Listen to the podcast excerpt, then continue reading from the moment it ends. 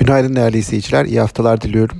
Yurt dışı piyasalar Cuma günü Noel tatili nedeniyle tatildeydi. Buna karşılık yeni Covid varyantında artış hızı ve bunun ekonomilere olası etkileri ve bu eğilimin özellikle ilaç firmalarına etkileri yurt dışında tartışılmaya devam etti.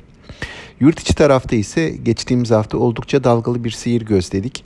Haftaya değer kaybı ile başlayan Türk lirası hükümetin yerel para cinsinden tasarrufları destekleme planı ile birlikte haftayı kuvvetli bir yükselişle tamamladı.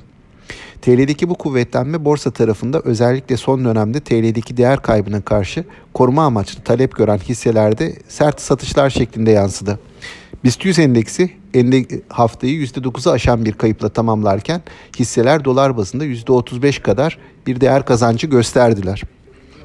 Geri çekilmeden en az etkilenen sektör hisse fiyatlarının yatay kaldığı bankacılık sektörü oldu.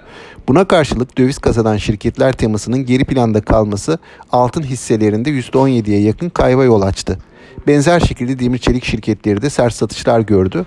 Ancak cuma günü temettü beklentisiyle bu sektörde kuvvetli alımlar gördük ve böylece demir çelik sektör endeksinin haftalık kaybı %9 ile sınırlanmış oldu. Yeni haftanın başlangıcında yurt dışının tatilden dönmesi özellikle bugün öğleden sonraki seansta işlem hacminin belirgin şekilde artmasına sebep olabilir.